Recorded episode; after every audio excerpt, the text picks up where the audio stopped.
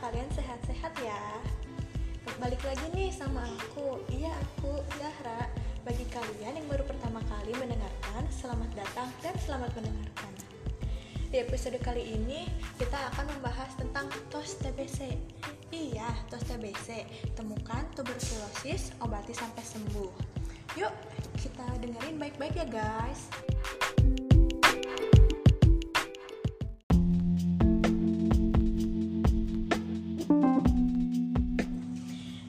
TBC atau tuberkulosis adalah penyakit menular yang disebabkan karena adanya kuman Mycobacterium tuberculosis yang masuk ke dalam tubuh melalui pernafasan.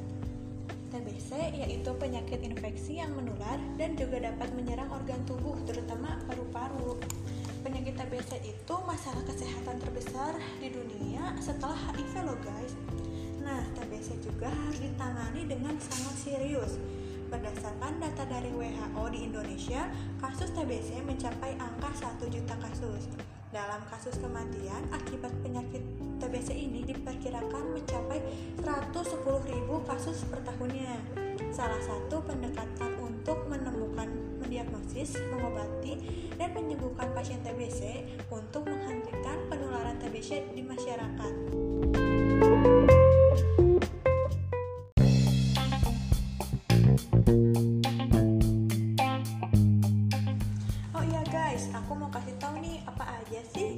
TBC dan gimana cara mencegah TBC.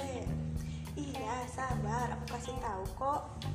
Gejala TBC dapat diketahui yang pertama batuk lebih dari dua minggu, yang kedua mengalami sesak pada pernafasan, yang ketiga berkeringat di malam hari tanpa aktivitas. Nah guys, kalau kalian nemuin gejala-gejala di atas, kalian harus cepat berobat ke puskesmas atau ke klinik terdekat ya, biar segera diperiksa lebih lanjut oh iya nih e, gimana sih cara mencegah TBC itu? Yang pertama kalian harus paham juga etika batuk atau bersin. Gunakan masker tutup mulut dan hidung dengan lengan atas bagian dalam. Tutup mulut dan hidung dengan tisu. Jangan lupa ya buangnya langsung ke tempat sampah. Lalu cuci tangan dengan menggunakan sabun dan air yang mengalir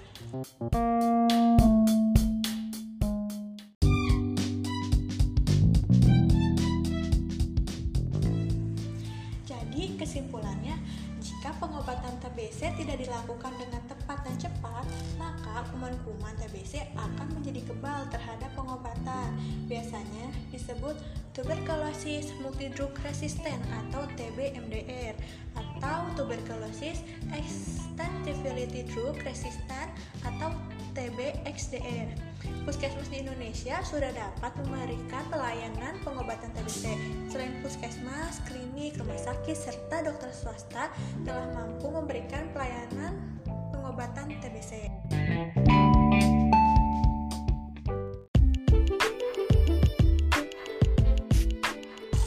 Oke, gimana ini guys? Menarik bukan pembahasan kali ini? Makasih ya kalian udah setia mendengarkan podcast aku sampai akhir. Semoga informasi yang aku berikan bermanfaat ya buat kalian. Cukup sekian dulu podcast episode kali ini. Sampai ketemu di episode selanjutnya. See you, bye bye.